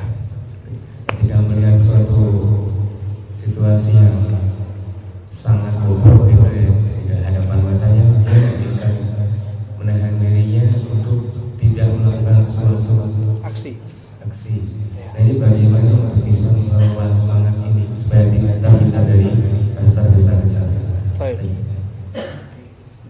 Masya Allah, ini pertanyaan yang luar biasa tentang jiwa muda yang semangat bergelora, kemudian melihat kondisi masyarakat yang sudah sangat bobrok atau kondisi suatu eh, kaum, suatu bangsa yang sudah tidak bisa ditoleransi lagi, maka bagaimana cara kita mengendalikan semangat yang bergelora ini supaya tetap dalam lingkup yang syar'i? Teman-teman yang dimuliakan Allah, ya semangat itu luar biasa. Dan ini harus ada, kapan pun dan di mana pun. Jadikan dia seperti api dalam sekam. Ya. Antum berjalan hari ini dan antum berjalan 30 tahun ke depan harus selalu memiliki semangat tersebut. Jangan sampai apa? Jangan sampai sekarang semangat, besok pagi sudah tidur dari subuh sampai jam 10. Wah. Ya, ini jangan seperti ini. Semangat harus ada. Nah, cuman masalah berikutnya yang perlu kita bahas, bagaimana kita mengkonsep supaya semangat ini tidak menjadi aksi yang anarkis. Masyarakat ini suka takut sama mahasiswa. Masya Allah ya. Uh, apa segala orang takut sama aksi-aksi mahasiswa karena mahasiswa ini free thinker berpikir bebas bergerak bebas berucap bebas gitu ya nah ini hati-hati harus kita ketahui sebenarnya seperti apa konsep dan juga uh, istilahnya ajaran dalam Islam supaya kita bisa tidak keluar supaya bisa tetap dalam real Islam yang benar dan sahih. Ikhwan dan akhwat yang dimuliakan Allah Subhanahu wa taala konsep dan ajaran Islam dalam melakukan perubahan dan merubah kondisi yang mungkar, kondisi yang jelek, kondisi yang buruk menjadi kondisi yang lebih baik sudah diajarkan oleh Rasulullah Sallallahu Alaihi Wasallam. Ud'u Rasulullah SAW bersabda dan membawakan firman Allah Subhanahu Wa Taala. A'udzubillahi minasyaitonirrajim. Ya fokus semuanya ya. A'udzubillahi minasyaitonirrajim. Ud'u ila sabili rabbika bil hikmati wal mau'izatil hasanati wajadilhum billati hiya ahsan. Ajaklah manusia ke jalan Allah Subhanahu wa taala ya. Bil hikmah yang pertama dengan cara yang hikmah. Wal mau'izatil hasanah dan mau'izah hasanah. Wajadilhum billati hiya ahsan dan debatlah mereka dengan cara dan konsep debat yang paling baik. Jadi yang pertama ada apa? Ada hikmah. Yang kedua ada apa? Hah? Mau'idhah hasanah. Yang ketiga ada apa? Al-jidal billati hiya ahsan. Ketika melihat suatu kondisi jelek, bobrok, kita harus rubah, ya. Dirubah dari mana? Yang paling pertama kita harus ketahui perubahan tersebut. Ingat konsep pertama perubahan kepada apa? Kepada agama Allah yang kita sebutkan tadi. Nggak bakal sukses suatu perubahan kalau nggak diajak kepada agama Allah. Dan caranya bagaimana? Dengan hikmah. Kapan kita terapkan hikmah? Apa itu hikmah? Nah ini perlu dipertanyakan, perlu kita tanya. Apa itu hikmah maksudnya? Hikmah, metode hikmah adalah kita menyintir ataupun kita mengajak manusia ataupun kita menyebutkan beberapa dalil-dalil anjuran menuju kebaikan. Ya, itu hikmah. Kapan diterapkan metode hikmah? diterapkan jika orang tersebut atau jika masyarakat tersebut adalah masyarakat yang cinta kebaikan dan menjauhi keburukan namun terkadang lupa namun terkadang tergelincir maka diingatkan dengan cara yang hik hikmah bijak dalam masyarakat kompleks Islam masyarakatnya berjilbab yang wanitanya yang muslim ini sholat jumat sholat berjamaah di masjid ya. Tiba-tiba ada kesalahan satu orang bangun menuju genteng masjid teriak bawa speaker. Kan nggak benar gitu ya. Semangat Ustaz. Rubah kondisi. Nggak boleh begini ya. Nggak bisa begitu. Kenapa seperti itu? Karena masyarakat masyarakat yang baik. Maka diingatkan dengan cara yang hikmah datangi kepala sukunya datangi pimpinannya ketua RT-nya siapa pun yang menjadi apa ketua di situ ajak ngomong masukan yang baik saya melihat kondisi kok kurang baik ya anak-anak kok jam waktu sholat malah bermain di halaman tapi nggak masuk masjid saya lihat orang waktu sholat pedagang di depan masjid rame cari bisnis tapi nggak mau cari pahala. Hah? Ini kondisi kurang baik ya kayaknya Pak RT ya. Bagaimana kalau kita ada adakan sebuah ajakan kepada masyarakat? Wah, ini ya. Jadi apa? Dengan hik hikmah. Kondisi kedua, wal mau'izatil hasanah. Apa itu mau'izah hasanah? Mau'izah hasanah adalah diingatkan tentang atau di, di, di, diingatkan tentang pahala Allah dan juga ditakut-takuti dengan atau di, di, ditakut-takuti dengan ancaman dan azab Allah. Dalam satu sisi diingatkan kalau sholat itu pahalanya gini gini gini gini gini. Kalau beribadah kepada Allah, bertauhid kepada Allah itu pahalanya gini gini gini gini. Tapi kalau enggak, hati-hati. Gini loh, gini loh akibatnya ancamannya ini loh, ini loh seperti ini. Ya. Itu adalah mauidhah hasanah. Kapan diterapkan mauidhah hasanah? Jika masyarakat atau orang tersebut adalah masyarakat atau orang yang terkadang baik, terkadang buruk, ya apa 50-50 ya kadang sore Masya Allah malamnya sudah berubah paginya baik lagi siangnya nanti sudah berubah bah, gitu terus ya kondisinya apa bolak balik maka dia perlu diingatkan kalau kamu taat sama Allah pahalanya sholat gini gini gini gini. Diampuni dosa dicuci dosa Masya Allah ya tapi kalau kamu enggak ingat ada neraka sakor. Di mana dikhususkan bagi orang-orang yang tidak menegakkan sholat. Hati-hati. Jadi apa? Mau idoh hasanah. Tapi ada metode ketiga nggak cukup sampai situ. Wajadilhum billati ahsan dan debatlah mereka dengan cara yang terbaik. Kapan diterapkan debat? Jika orang tersebut atau masyarakat tersebut masyarakat yang salah namun ngeyel dalam kesalahannya dan membangkang dan memperjuangkan kesalahan atau kebebrokan kondisi tersebut. Nah, ini harus diketahui. Ya. Mau jadil harus kita jidal juga. Ada debat dalam Islam, ada. Debat itu salah satu metode dakwah yang dianjurkan oleh Allah Subhanahu wa taala, berjidal, ber, berdebat. Apa yang dilakukan oleh banyak sekali orang-orang uh, ahli kristologi ya dari kalangan uh, masya Allah orang-orang yang mengerti tentang ini mereka melakukan jidal debat. Sehingga dari debat tersebut mengambil manfaat masyarakat mengambil manfaat ya. Kemudian di masyarakat ada orang yang nggak mau nurut. Makanya kita debat kenapa seperti ini? Oh gini gini gini gini. Masyarakat melakukan keburukan tetapi dia menyangka dirinya dalam merekanya dalam? Dalam kebaikan. Maka ini salah kaprah, perlu dijelaskan, didiskusikan. Kalau ngeyel perlu didebat, jelaskan. Ini loh dalilnya kamu salah. Ini yang benar, ikuti jalan ini. Itu didebat. Ya. Tapi apa? Billati hiya ahsan. Dengan cara yang baik, bukan debat asal keluar-keluar dan teriak megang speaker dan toh. Nah, Ya, ikhwan Allah itu perubahan jika terjadi pada masyarakat yang kita inginkan terapkan pada masyarakat ataupun orang-orang saja. Beda kasusnya atau perubahannya atau kondisinya kalau kita ingin merubah atau melakukan perubahan kepada pemerintahan. Sudah ada konsepnya juga ya, Bang Hafid. Ingin tahu seperti apa konsepnya? Kita jadikan sebuah pembahasan nanti insya Allah coming soon Oke, okay, ya. Tapi secara inti, secara gambaran besar, perubahan kepada pemerintahan tidak sama dengan melakukan perubahan kepada masyarakat. Karena mereka adalah orang-orang yang memiliki jabatan, memiliki kekuatan, memegang urusan kita, maka berucapnya pun beda. Antum berucap pada adik dan berucap pada orang tua yang salah juga kan beda kan caranya?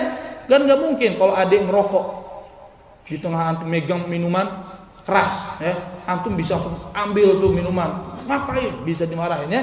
Tapi kalau orang tua megang waduh ya.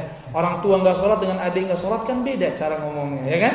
Ya, nggak bisa disolat oleh karenanya semakin tua semakin orang tersebut memiliki kondisi eh, memiliki kedudukan dan juga eh, jabatan maka beda pula. Dan sudah ada konsep dalam Islam bagaimana kita berdakwah kepada pemerintahan dan orang-orang yang disebut dengan waliul amri. Nah silakan mau bertanya langsung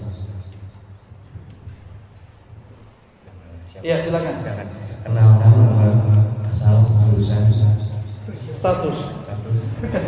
Kalau langsung saja silakan. Nama saya Lutfi Fariza dari di Bandung. Bertanya kalau misalnya di kampus misalnya ada kegiatan yang skala besar dan itu ternyata bertentangan dengan prinsip Islam. Ya. Sedangkan kita sebagai mahasiswa atau misalnya mahasiswa baru yang nggak punya apa sih kemampuan untuk mengubah gitu. Hmm.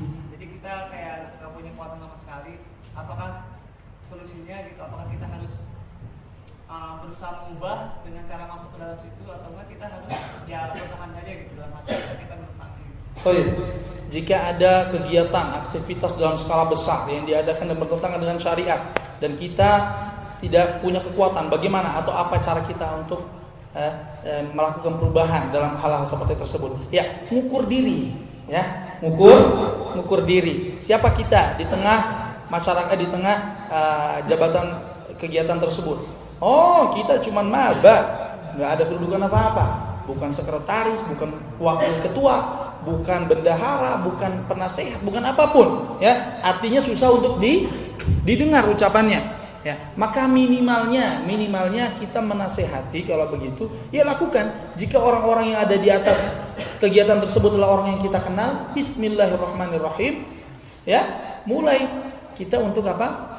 mengajak diskusi atau mengajak bicara dengan baik-baik ya. Mengajak bicara dengan baik-baik e, sepertinya kegiatan kita ini ada yang perlu e, dikoreksi. Oh kenapa tuh? Apa itu ya saya melihat karena ini bertentangan dengan ayat ini atau dengan hadis ini atau dengan syariat Islam. Oh gitu ya. Apa bentuknya seperti ini seperti ini? Fa in sami'a minka kalau dia mendengar darimu fa ni'mah. Maka itu nikmat alhamdulillah. Tapi kalau enggak didengar wa ma'alaika illal balagh. Dan tidak ada kewajiban bagimu kecuali menyampaikan ya. Wa ma'alaika illal balagh hujjah saya di depan Allah bahwa saya sudah menyampaikan yang benar kepada mereka dan meng, meng, meng, apa, meng, mengasih tahu atau memberitahu kepada mereka mana kesalahannya. Udah. Ya sudah di situ. Kalau misalnya mereka tidak berubah juga lihat kegiatannya penting apa enggak? Kalau kemudian berakibat kepada status akademis kita ya dipandang oleh kampus ini. Dan itu nanti kita malah buruk mafsadat kepada kelanjutan dan keberlangsungan kuliah kita. Ya mungkin itu masuk dalam bab keterpaksaan ya. Dalam bab keterpaksaan kita mengikuti kegiatan yang bertolak belakang atau bertentangan dengan syariat Islam. Tapi kalau ternyata tidak diwajibkan. Hanya sunnah hukumnya kata kata rektor ya. Ya. Sunnah hukumnya artinya apa? Yang ikut hayu, nggak ikut juga mangga, gitu kan? Kalau seperti itu kondisinya apa? Maka apa? Maka silahkan antum mengajak teman-teman yang antum bisa untuk tidak usah ikut-ikutan dalam acara yang seperti itu. Ya, itulah mungkin bisa terjawab ya. Udah ada door prize belum ada pertanyaan apa ini? Buat yang nanya. Oh, buat yang nanya. Yang nanya dapat jawab hadiah. Oh. Yang jawab nggak dapat hadiah. Ini capek baru ngomong. Kalau saya Ustaz, kita bacakan pertanyaan terlebih dahulu dari Afwan. Silakan. Ustaz, bila dalam kehidupan kampus kita Ulang, ulang, ulang, kurang jelas. Bila dalam kehidupan kampus kita menemukan suatu kemudorotan dalam suatu organisasi, baiknya kita masuk ke sana dengan niat mengubah dari dalam atau mengamankan diri dengan tidak mengikutinya mengingat adanya kemudorotan. Iya. Ini mirip sama pertanyaan pertama ya. Jika ada suatu kegiatan ya, dalam kita pengen mencemplungkan diri kita ke organisasi, tapi kita lihat tuh banyak kemungkaran terjadi, banyak hal-hal yang bertentangan dengan hukum Islam di dalamnya. Bagaimana kita nekat cemplungin diri kita, atau kita perlu tarik ulang diri kita dari niatan tersebut. Bagaimana? Ya, kita lihat sebenarnya statusnya. Kalau kita masuk situ kemudian insya Allah kita diangkat kemudian jadi ketua, jadi orang yang terpandang kita insya Allah bisa memimpin menjadi arah yang lebih baik. Bismillah. Ya, karena suatu kegiatan biasanya tergantung pada siapa yang mimpin dan mengarahkan. Kan seperti itu. Nah, saya punya apa namanya teman-teman dulu di KSR. KSR ini eh, relawan ya di bawah PMI yang ada di uh, apa waktu itu Eh, teman-teman perempuan ya teman-teman akhwat yang kemudian eh, apa namanya mereka ikut kegiatan pencinta alam dan sebagainya. Kemudian mereka ini alhamdulillah salah seorang dari mereka kemudian apa? Kemudian karena sudah kepalang masuk, tapi kemudian kenal kepada kajian-kajian eh, kenal kepada sunnah ya mengajak kembali kembali kepada sunnah maka dia apa sudah kepalang terlanjur masuk maka dia berusaha untuk menularkan kebaikannya dengan apa yang dia mampu. Dan alhamdulillah kegiatan tersebut akhir yang berita yang saya dengar bahwa teman-teman yang ada di korps uh, apa namanya uh, tadi KSR tadi alhamdulillah yang laki-lakinya sholatnya berjamaah. Kalau ngumpul ya nggak lagi ikhtilat nggak lagi ikhtilat sama apa sama non mahramnya ya. Nggak lagi nggak lagi ikhtilat antara laki-laki antara ikhwan dengan dengan akhwat. Beda ruangan. Dulu markasnya satu sekarang beda markas. Kalau rapat pun ada hukum-hukumnya oh masya Allah. Walaupun belum sepenuhnya menjadi lebih baik tapi apa sudah kelihatan arahnya jadi apa lihat lagi diri kita kalau dari awal kita memang apa namanya nggak mampu untuk melakukan perubahan, maka jangan ceburkan diri kita. Ya, kalaupun kita mampu, maka dilihat seperti apa caranya. Kalau kita kemudian lebih banyak mudorotnya dalam hal tersebut dan kita melihat bahwa kita akan lebih banyak tertusuk durinya daripada meminum susunya, nah kan gitu kan? Lebih banyak belepotan terkena dosa dalam kegiatan-kegiatannya daripada banyak manfaatnya, maka jangan ceburkan diri kita. Toh itu bukan kebuat kegiatan organisasi yang wajib, kan seperti itu, ya. Tidak akan mengurangi sedikit pun nilai uh, akademis kita dalam uh, selama, selama masa kuliah. Maka perlu dilihat lagi seperti apa ya. Oke, silakan. Silakan Iwan kalau ada yang bertanya. Bertanya. Perkenalkan jurusan besar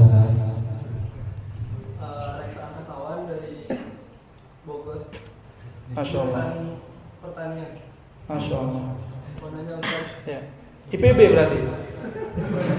Bogor kan pertanian ya? Hah? Oh kirain tamu dari Bogor ente. Masya Allah. Malam ini kita berikan spesial kalau dari Bogor. Ya ya silakan. Jadi uh, yang tadi saya pahami kan agent of change ini kita pengen jadi pengen merubah suatu kondisi masyarakat dari yang buruk jadi yang lebih baik gitu. Iya. Nah, terus dari yang baik jadi yang lebih baik. Tapi fitrahnya kan uh, suatu zaman itu akan jadi lebih buruk gitu. Hmm.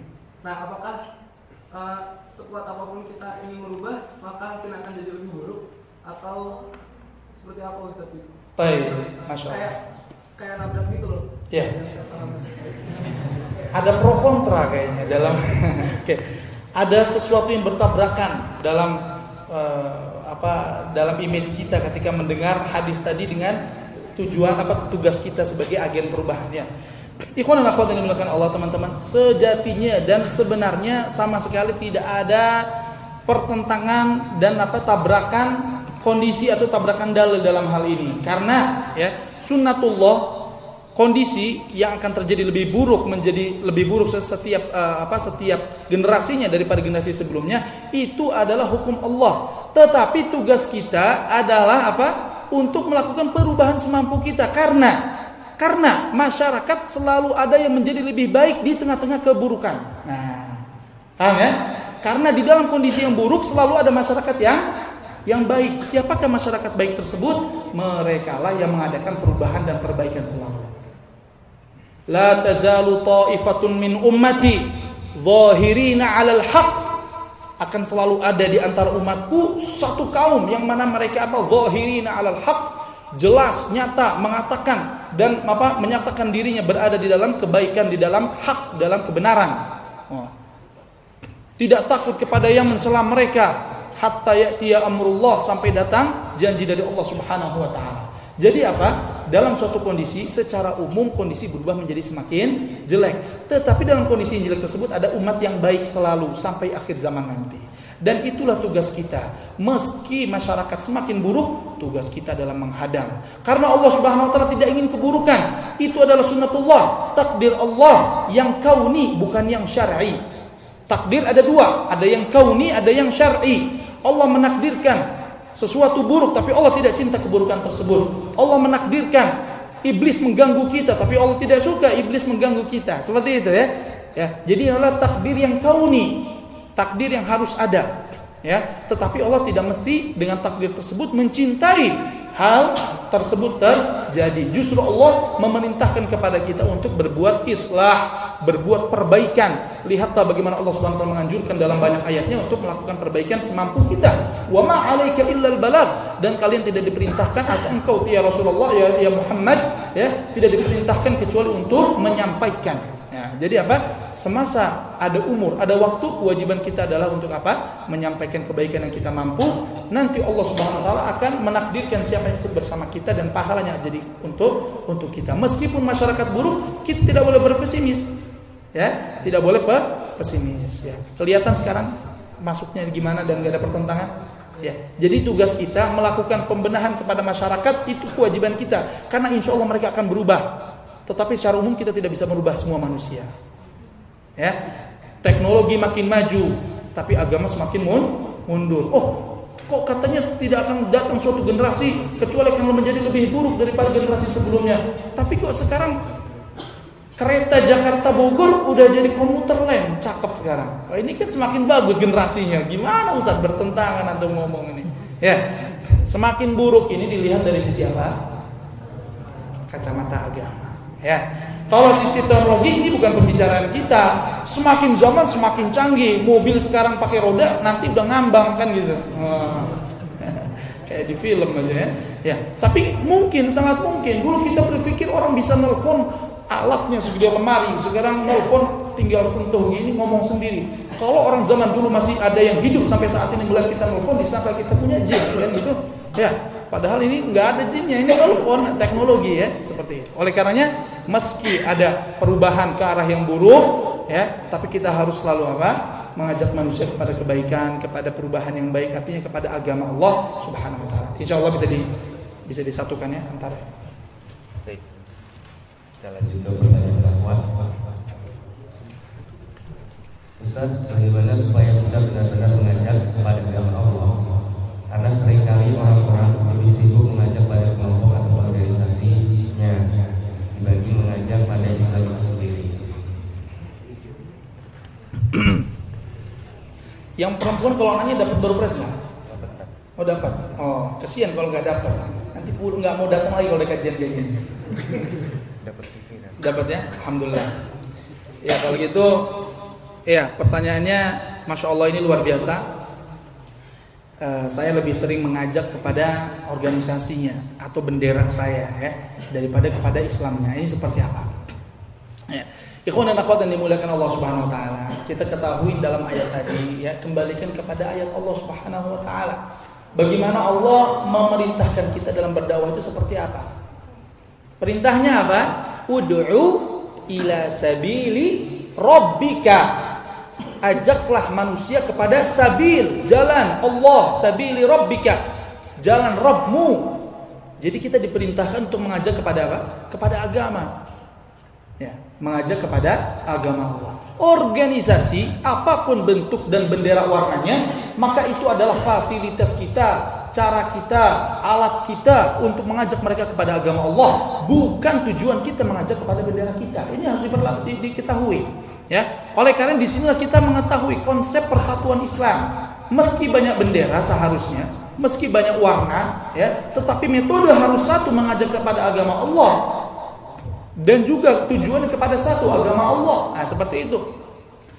Bukti atau sebuah standar sebuah apa kita bilang ya tolak ukur ketahuan kita dakwah mengajak kepada bendera kita atau kepada agama Allah adalah jika orang yang kita ajak ternyata masuk ke organisasi yang lain yang bukan organisasi kita tapi dia tetap mendapatkan kebaikan lihat apa ada rasa sedih atau ada rasa hasad dalam diri kita atau enggak.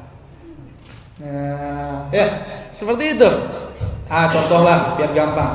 Ah hafid ini punya bendera namanya bendera apa? Ah, hitam putih bendera ya hitam putih warnanya Ahdika punya bendera warnanya merah putih waduh mirip ya cuma beda warna nah masing-masing ingin mengajak sebenarnya untuk apa kepada agama Allah orang yang satu ini yang pengen jadikan target dalam berdakwah atau masyarakat yang kita ingin ajak dia untuk berdakwah ini sebenarnya orang yang rusak nih, lagi kondisinya galau dia, ya. Galau dalam segala aspek, termasuknya aspek status. Nah, ya. ya. Lagi galau, setiap malam gak bisa tidur ya, ngeliatin bintang-bintang mencari Tuhan, wah kan? di mana arah hidupnya, di mana pembimbing hidupnya dan sebagainya ya. Salat uh, apa salat uh, apa malam hari nggak bisa tidur, begitu subuh langsung tidur kan gitu kan? Ini orang yang galau hidupnya nggak sholat nggak ngaji nggak ngerti Islam ditargetkan untuk dakwah sama Ahafid dan Ahdika berebutan untuk saling mendakwahkan dan mengajak orang tersebut kepada kepada agama Allah. Tetapi kita lihat barometernya apakah mereka ikhlas mengajak kepada agama Allah atau, atau kepada bendera adalah jika orang tersebut misalnya namanya si Abdullah diajak si Abdullah ini untuk ke agama Allah akhirnya tiba-tiba dia tobat mengenal agama Allah jadi ngaji jadi bisa baca ikro jadi mulai masya Allah paham agama ya nggak lagi galau ngeliatin bintang-bintang nah, tapi ternyata Ahafid yang paling banyak berdakwah, si Abdullah masuknya ke benderanya siapa? Ahdika. Nah, kalau Ahafid merasakan dalam hatinya ada panas, enak amat, kok larinya ke sana, kan gitu ya? Nah, ini mulai apa? Perlu dipertanyakan keikhlasannya. Berarti selama ini dia belum berdakwah kepada agama Allah, tapi nggak begitu ya. Berarti jika demikian ada rasa panas, maka apa? Sebenarnya dia belum ikhlas dalam mengajak orang tersebut kepada siapa? Kepada Allah Subhanahu wa taala. Tapi mengajak kepada bendera ataupun alma mater ataupun jas dia ya. Oleh karenanya, apa yang akan dimuliakan Allah Subhanahu wa taala perlu kita ketahui seharusnya kalau kita inginkan orang tersebut kembali kepada agama Allah, seharusnya kita senang dia taubat dan mengenal Allah lewat jalur mana pun, lewat siapa pun dan masuk dalam bendera siapa pun. Silakan Ikhwan. Perkenalkan nama saya Makrifat Sabila dari ITB juga. Uh, Ustadz saya mau nanya, kan kalau kita ingin mengajak orang kepada agama Allah, berarti kita harus menyampaikan kebenaran dari hukum-hukum Allah Ya. yang sering kali bertentangan dengan kebiasaan masyarakat. Ya. Nah, apakah kita boleh menunda dari menyampaikan kebenaran tersebut jika kita dalam kondisi belum didengar dan kita menganggap bahwa ketika kita menyampaikan di waktu lain yang tepat kita bisa lebih diterima. Gitu. Ahsanta barakallahu fiik pertanyaan sangat urgent. Ya. Ini pertanyaan yang sangat bagus banget ya. Kenapa? Karena kita ingin mengadakan perubahan ya terhadap satu masyarakat kondisi yang bertentangan dengan hukum dan syariat Islam, bolehkah kita menundanya?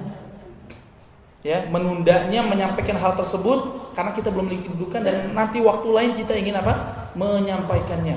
Ya. Ikhwan dan akhwat yang Allah, ketahuilah bahwa hal ini dalam Islam ha, ada hukumnya disebut dengan al-mudarah. Al-mudarah. Al-mudarah ini bertolak belakang atau berlainan atau berkontradiksi dengan apa? Al-mudahanah. Al-mudarah berkontradiksi atau ber- berseberangan dengan al-mudahanah. Apa definisi dari masing-masing istilah tersebut? Ya, al-mudahanah adalah kita pura-pura gak tahu dengan kerusakan yang ada dan tidak melarang masyarakat atau orang dari keburukan karena kita ingin apa? Karena kita ingin hubungan tetap baik. Mudahana. Waddu law tudhinu fayudhinun. Mereka ingin kamu bermudahana kepada mereka dan mereka pun bermudahana kepada mereka bermudahana kepada engkau. Waddu law tudhinu fayudhinun. Ini dikatakan oleh Allah Subhanahu difirmankan ya kepada Rasulullah SAW menyebutkan tentang sifatnya orang musyrikin. Orang musyrikin ini ingin apa? Ingin agar Rasulullah bungkam saja, gak usah ngomong soal apa? Soal konsep ketuhanan dalam Islam, gak usah membantah ilah dan juga sesembahan-sesembahan rusaknya orang-orang musyrikin saat itu yang menyembah Hubal, menyembah Latta, Uzza dan patung-patung yang ada di Ka'bah sejumlah 360 patung tersebut. Mereka menginginkan Rasulullah diam saja, gak usah ikut campur urusan kita, kita pun gak akan ikut campur urusan engkau. Itu disebut dengan apa? Mudahan. Mereka pengen gitu, gak usah ngomong udah ngomong yang sama aja, ngomongin hal-hal yang apa? Yang tidak ada pertentangannya saja, ya. Nah, inilah yang dicela oleh Allah Subhanahu wa taala. Kita nggak boleh seperti itu. Jika ada kerusakan di tengah masyarakat atau pada suatu pada seseorang, maka perintahnya jelas, man ra'a minkum munkaran falyughayyirhu biyadih. Barang siapa di antara kalian melihat ada kemungkaran, maka rubahlah kemungkaran tersebut dengan tangannya. Fa in lam yastati' fa bilisani. Jika nggak bisa dengan tangan, maka dengan lisannya. Jika tidak mampu dengan lisannya apa? Fa in lam yastati' fa bi wa dzalika adhaful iman. Jika tidak mampu dengan lisannya juga, maka ingkarilah dengan hatinya. Karena dan itu adalah selemah-lemahnya iman di dalam hati seorang. Artinya apa? Seseorang nggak mampu mengingkari bukan berarti eh, seseorang tidak belum mampu mengingkari dengan tangan dan lisan bukan berarti dia ridho. Nah ini nggak nggak boleh. Kita ridho dengan kemungkaran ini kesalahan besar. Kita belum membenarkan itu boleh, tapi bukan berarti kita ridho. Yang ada yang harus diterapkan adalah al-mudarah, perlawanan dari al-mudahanah. Apa itu al-mudarah? Al-mudarah itu ingin menunda menyampaikan yang hak atau menegur suatu kesalahan pada waktunya nanti jika memang dilihat sudah ter tepat. Padahal dalam hati ada apa? Pengingkaran terhadap perbuatan yang sedang ter terjadi di masyarakat atau di, di uh, orang tersebut. Contohnya apa? Apa yang dilakukan oleh sebagian para dai, masya Allah, ketika mereka masuk ke sebuah perkampungan, ya, perkampungan tersebut, apa? Masyarakat yang jahil, masyarakat yang tidak mengerti agama sangat bodoh, disebut Allah saja nggak tahu. Nopo iki, ya, bingung ya. Opo niku gusti Allah niku, ya, nggak tahu apa itu Allah ya. Maka masuk dalam masyarakat yang seperti ini bahaya kalau kita langsung mengatakan, oh, padahal masyarakatnya sangat kental aroma dengan hal-hal yang berbuat kesyirikan kepada Allah. Nah, ini hati-hati ya, kita jangan langsung main hantam. Hmm, kita harus pintar bermudarah. Masuklah dengan mengajarkan Quran sehingga jika hati-hati masyarakat dan para orang tua sudah cinta kepada kita, diberikanlah kedudukan di, kepada kita, kursi yang terhormat kepada kita, mulailah kita memasukkan poin-poin yang kita ingin benarkan dari masyarakat tersebut. Ini disebut dengan al-mudarah dan hukumnya adalah boleh. Berbeda dengan mudahanah yaitu kita apa? Yang kita sebutkan tadi apa? Berlain eh, berlawanan dengan al-mudarah. Jelas insyaallah ya? Jelas insyaallah. Enggak dikasih buku. ya, pertanyaan bagus kasih ini, masya Allah. Dari sebab pertanyaan dia kita jelaskan kepada semua manfaat kepada semuanya. Karena semakin malam semakin ngantuk. Semakin malam semakin semangat. Kalau di luar itu tablik akbar sampai jam 11 jam setengah 12. Kiainya makin malam makin berapi-api. Silahkan ditanya Ustaz. Hah? Oh, silakan ditanya sekarang. Waduh, siap-siap. Ada dokter ya? Hadiah. Oke. Uh, yang akhwat gimana nanti pertanyaannya kita akhirkan atau langsung selang-seling aja? Uh, ada mikrofon untuk menjawab? Hah? Nggak ada. Tapi kalau gitu bagaimana? Iya, ngomong aja. Ngomong aja ya. Pasang telinga berarti. Ya, siap. Uh, untuk ikhwan dulu ya, laki-laki dulu. Pertanyaannya. Kok tahan nafas semua? Aduh, mata mulai mengintip ke buku-buku ya. Ya, ya, pertanyaannya gampang saja. Di awal tadi di awal tadi ya kita sebutkan ya kita sebutkan bahwa Islam sudah mengkonsep mengkonsep perubahan ya mengkonsep perubahan sebutkan sebutkan konsep pertama yang kita sebutkan tadi. Cepat. Nah jas hijau peci hijau. Nah, antum ya antum ya. Yeah, yeah.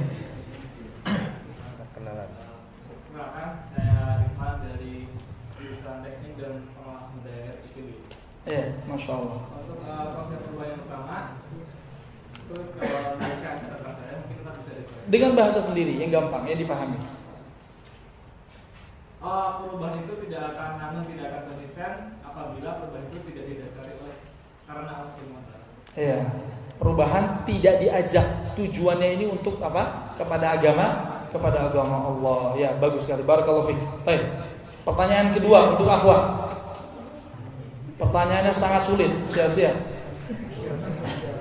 Karena di belakang hijab nggak tahu mereka bermain apa, eh? Jadi kasih pertanyaan sulit biar fokus lagi. Siapa ditunjuk siapa yang akan menjawab. Siapa yang akan menjawab dan langsung langsung dijawab. angkat tangan yang kelihatan oleh panitia nanti ada panitia apa ya? Nah, panitia apa menentukan siapa yang pertama kali angkat tangan dan siapa yang berhak menjawab. Ya. Siapa nama Imam Syafi'i?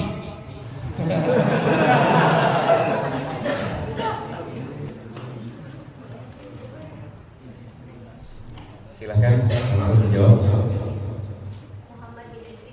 Muhammad bin Idris, masya Allah ya. Baik. Hadiah di Hadiah bisa diambil nanti di akhir. Hadiah nanti di akhir, masya Allah. Diingat ya jangan lupa. Baik. Kita masuk ke pertanyaan lagi. Silakan teman-teman yang mau ditanya. Oh, bertanya lagi sekarang, bukan anak yang nanya. Nanti Oh ya, oh gantian. Silakan. Karena kebetulan kadarullah. Iya. Hmm. Ya, dari Ilmu Politik.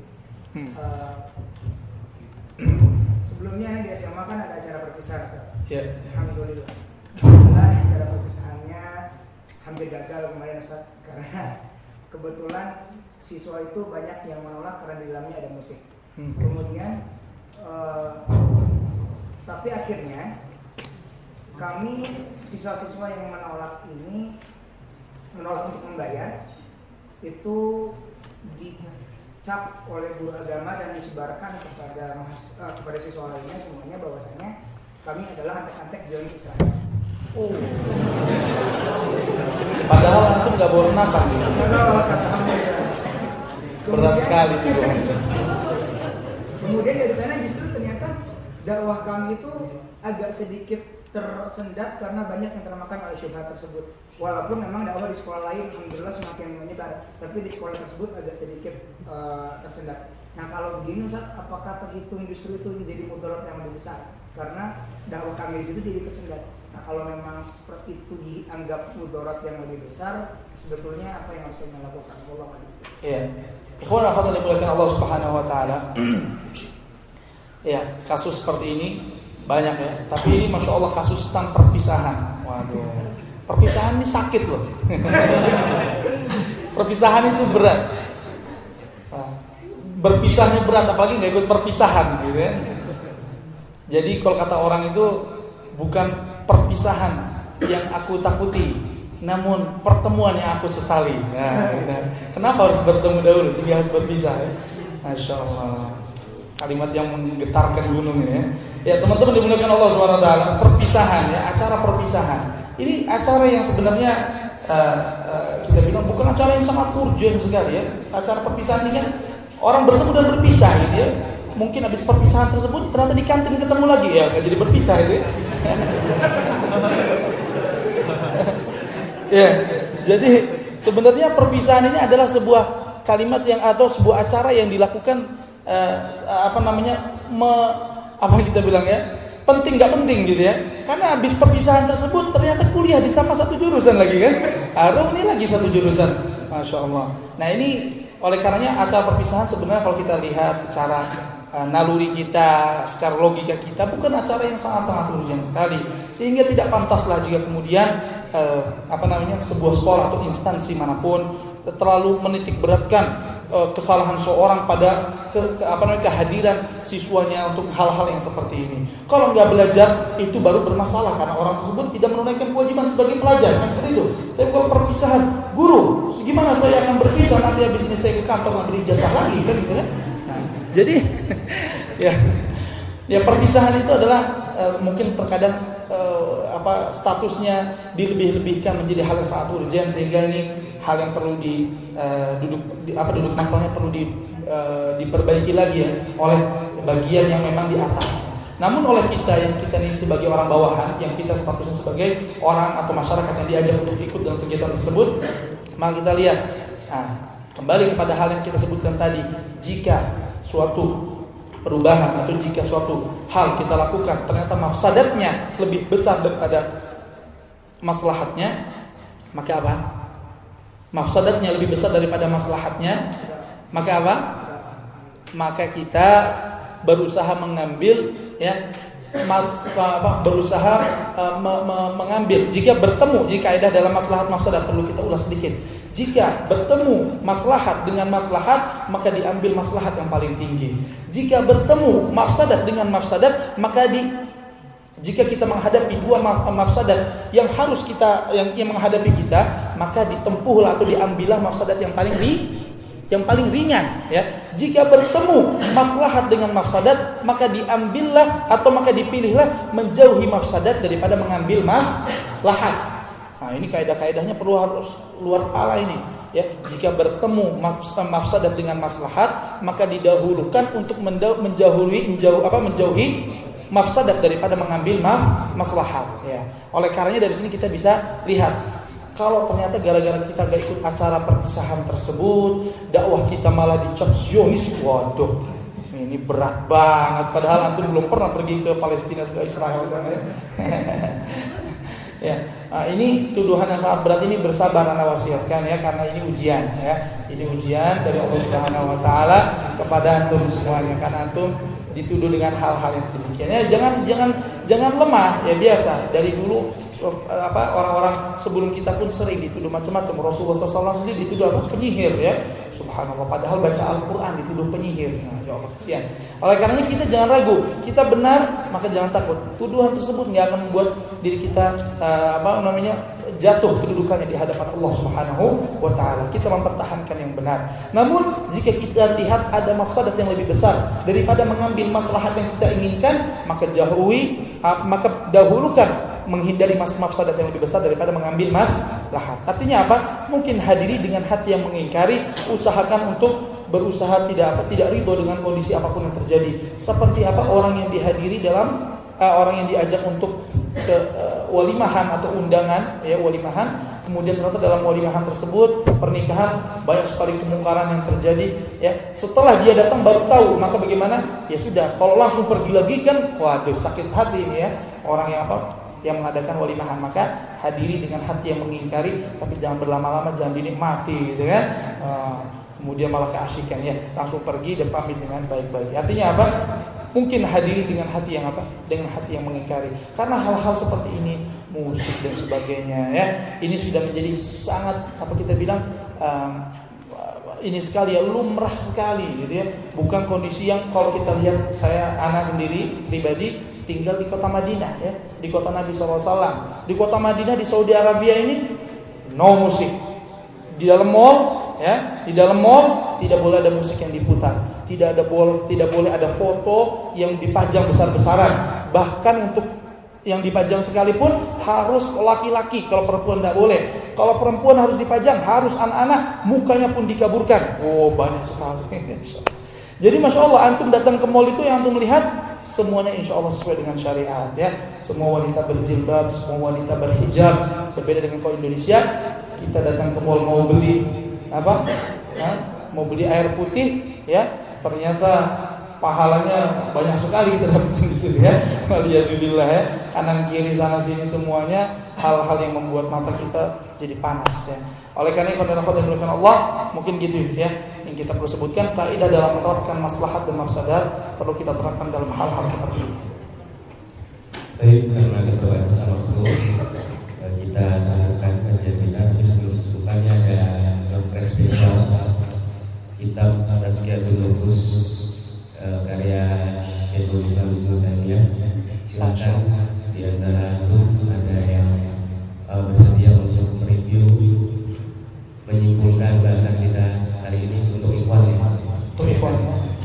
Sekedar gambaran seperti yang Islam Ibnu Taimiyah kita bisa menuliskan sendiri. Baik. Siapa Syekhul Islam Ibnu Taimiyah? Anda juga nanya sama antum. Siapa Syekhul Islam Ibnu Taimiyah? Siapa yang tahu? Namanya aja. Ya. Ahmad bin Ahmad bin Muhammad bin Muhammad ya, Oke, bagus. Judulnya pertama sudah benar Ahmad namanya, benar sekali. Yang bisa melanjutkan. Nah, ini sakofah kita tanya-tanya ini. Ahmad bin Angkat tangan dong. Antum. Oh ya, Ahmad bin Halim. Ahmad ibnu Abdul Halim yang benar ya. Ahmad ibnu Abdul Halim Al-Harrani ibnu Taimiyah.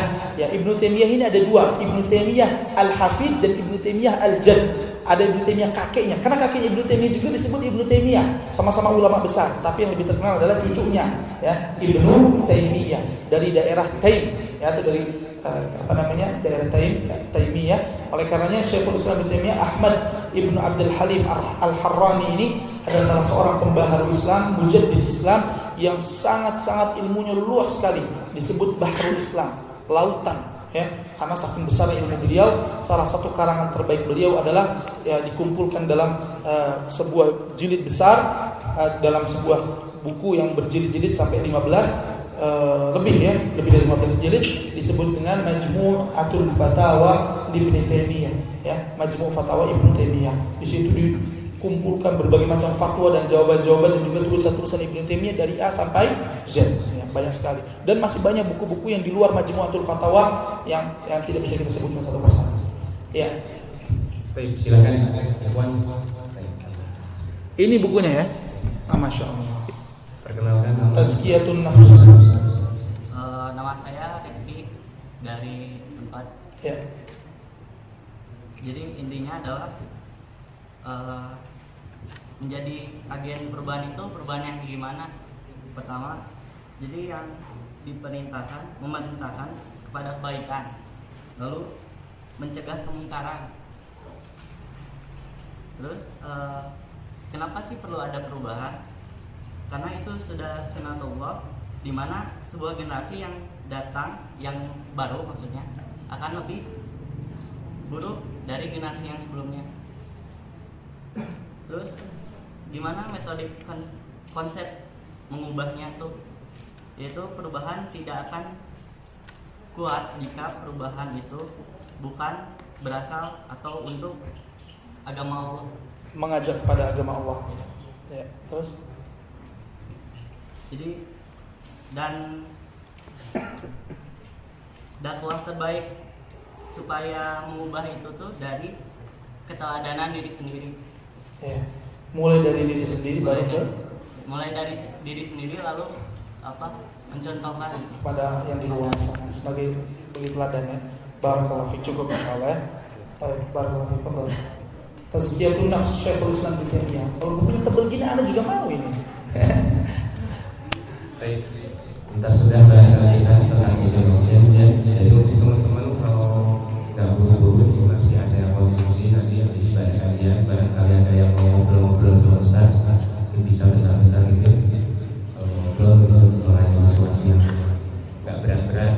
silahkan nanti di salah satu masjid terima kasih untuk teman-teman semua yang sudah hadir semoga Allah jadikan amal kita semua Nabi ini yang bersama dengan Allah Subhanahu Wa Taala dan menyatakan makfirah dan juga hadiah dan tutup dengan doa majelis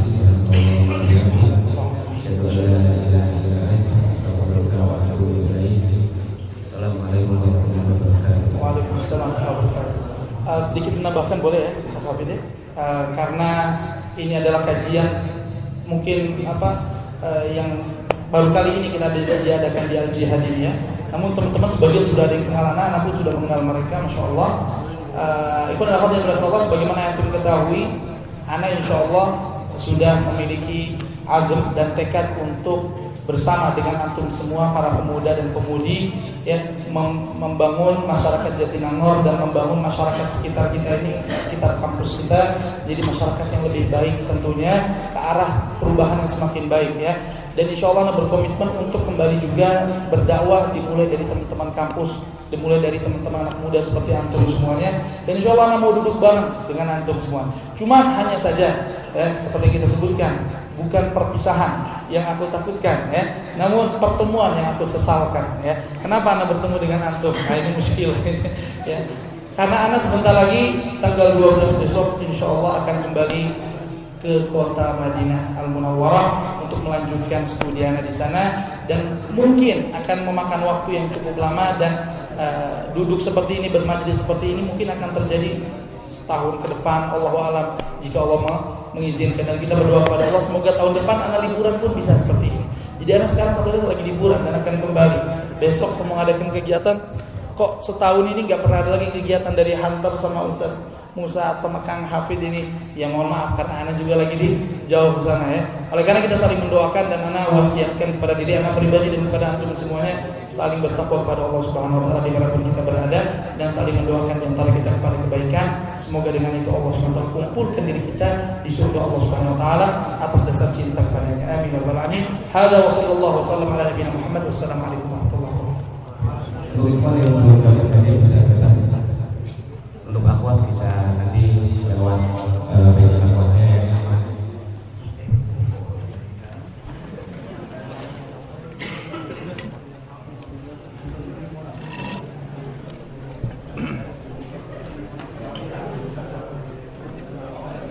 Bukunya banyak, Fit. Bukunya banyak lagi? Oh, sudah habis.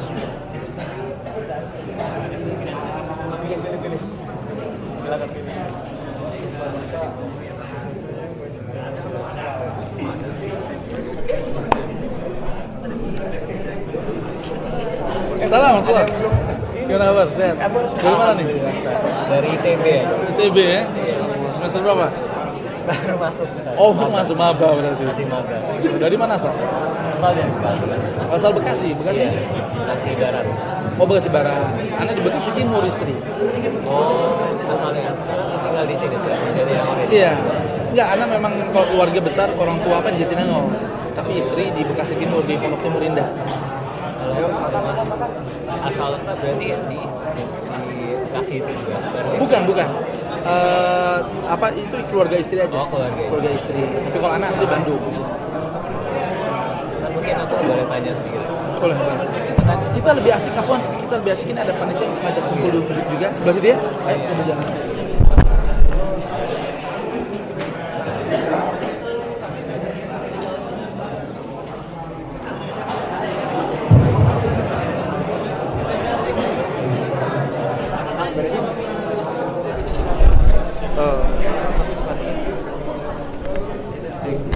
bagi yang ingin sedikit Apa mana itu? iya rekam ya. Beri kakak-kakak sama